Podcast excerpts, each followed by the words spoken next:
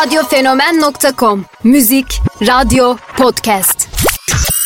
Fenomen Express'ten merhaba. Önce bazı illerimizdeki hava durumunu aktaralım. Bugün İstanbul ve Balıkesir 12, Bursa, Kocaeli ve Gaziantep 13, Ankara, Eskişehir ve Konya 7, İzmir 15, Kayseri 6, Antalya'da 19 derece olacak.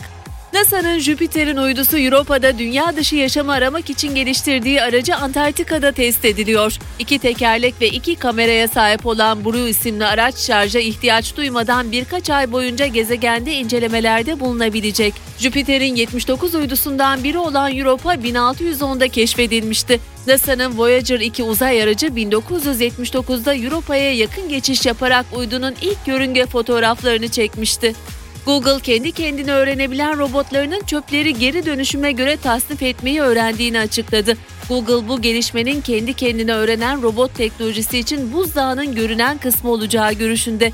Şirket önümüzdeki dönemde robotlara daha komplike görevler verecek ancak bu görevleri yerine getirmesi için onları kodlamayacak. Google bu sayede robotların kendi kendine öğrenebilme kapasitesini test edecek.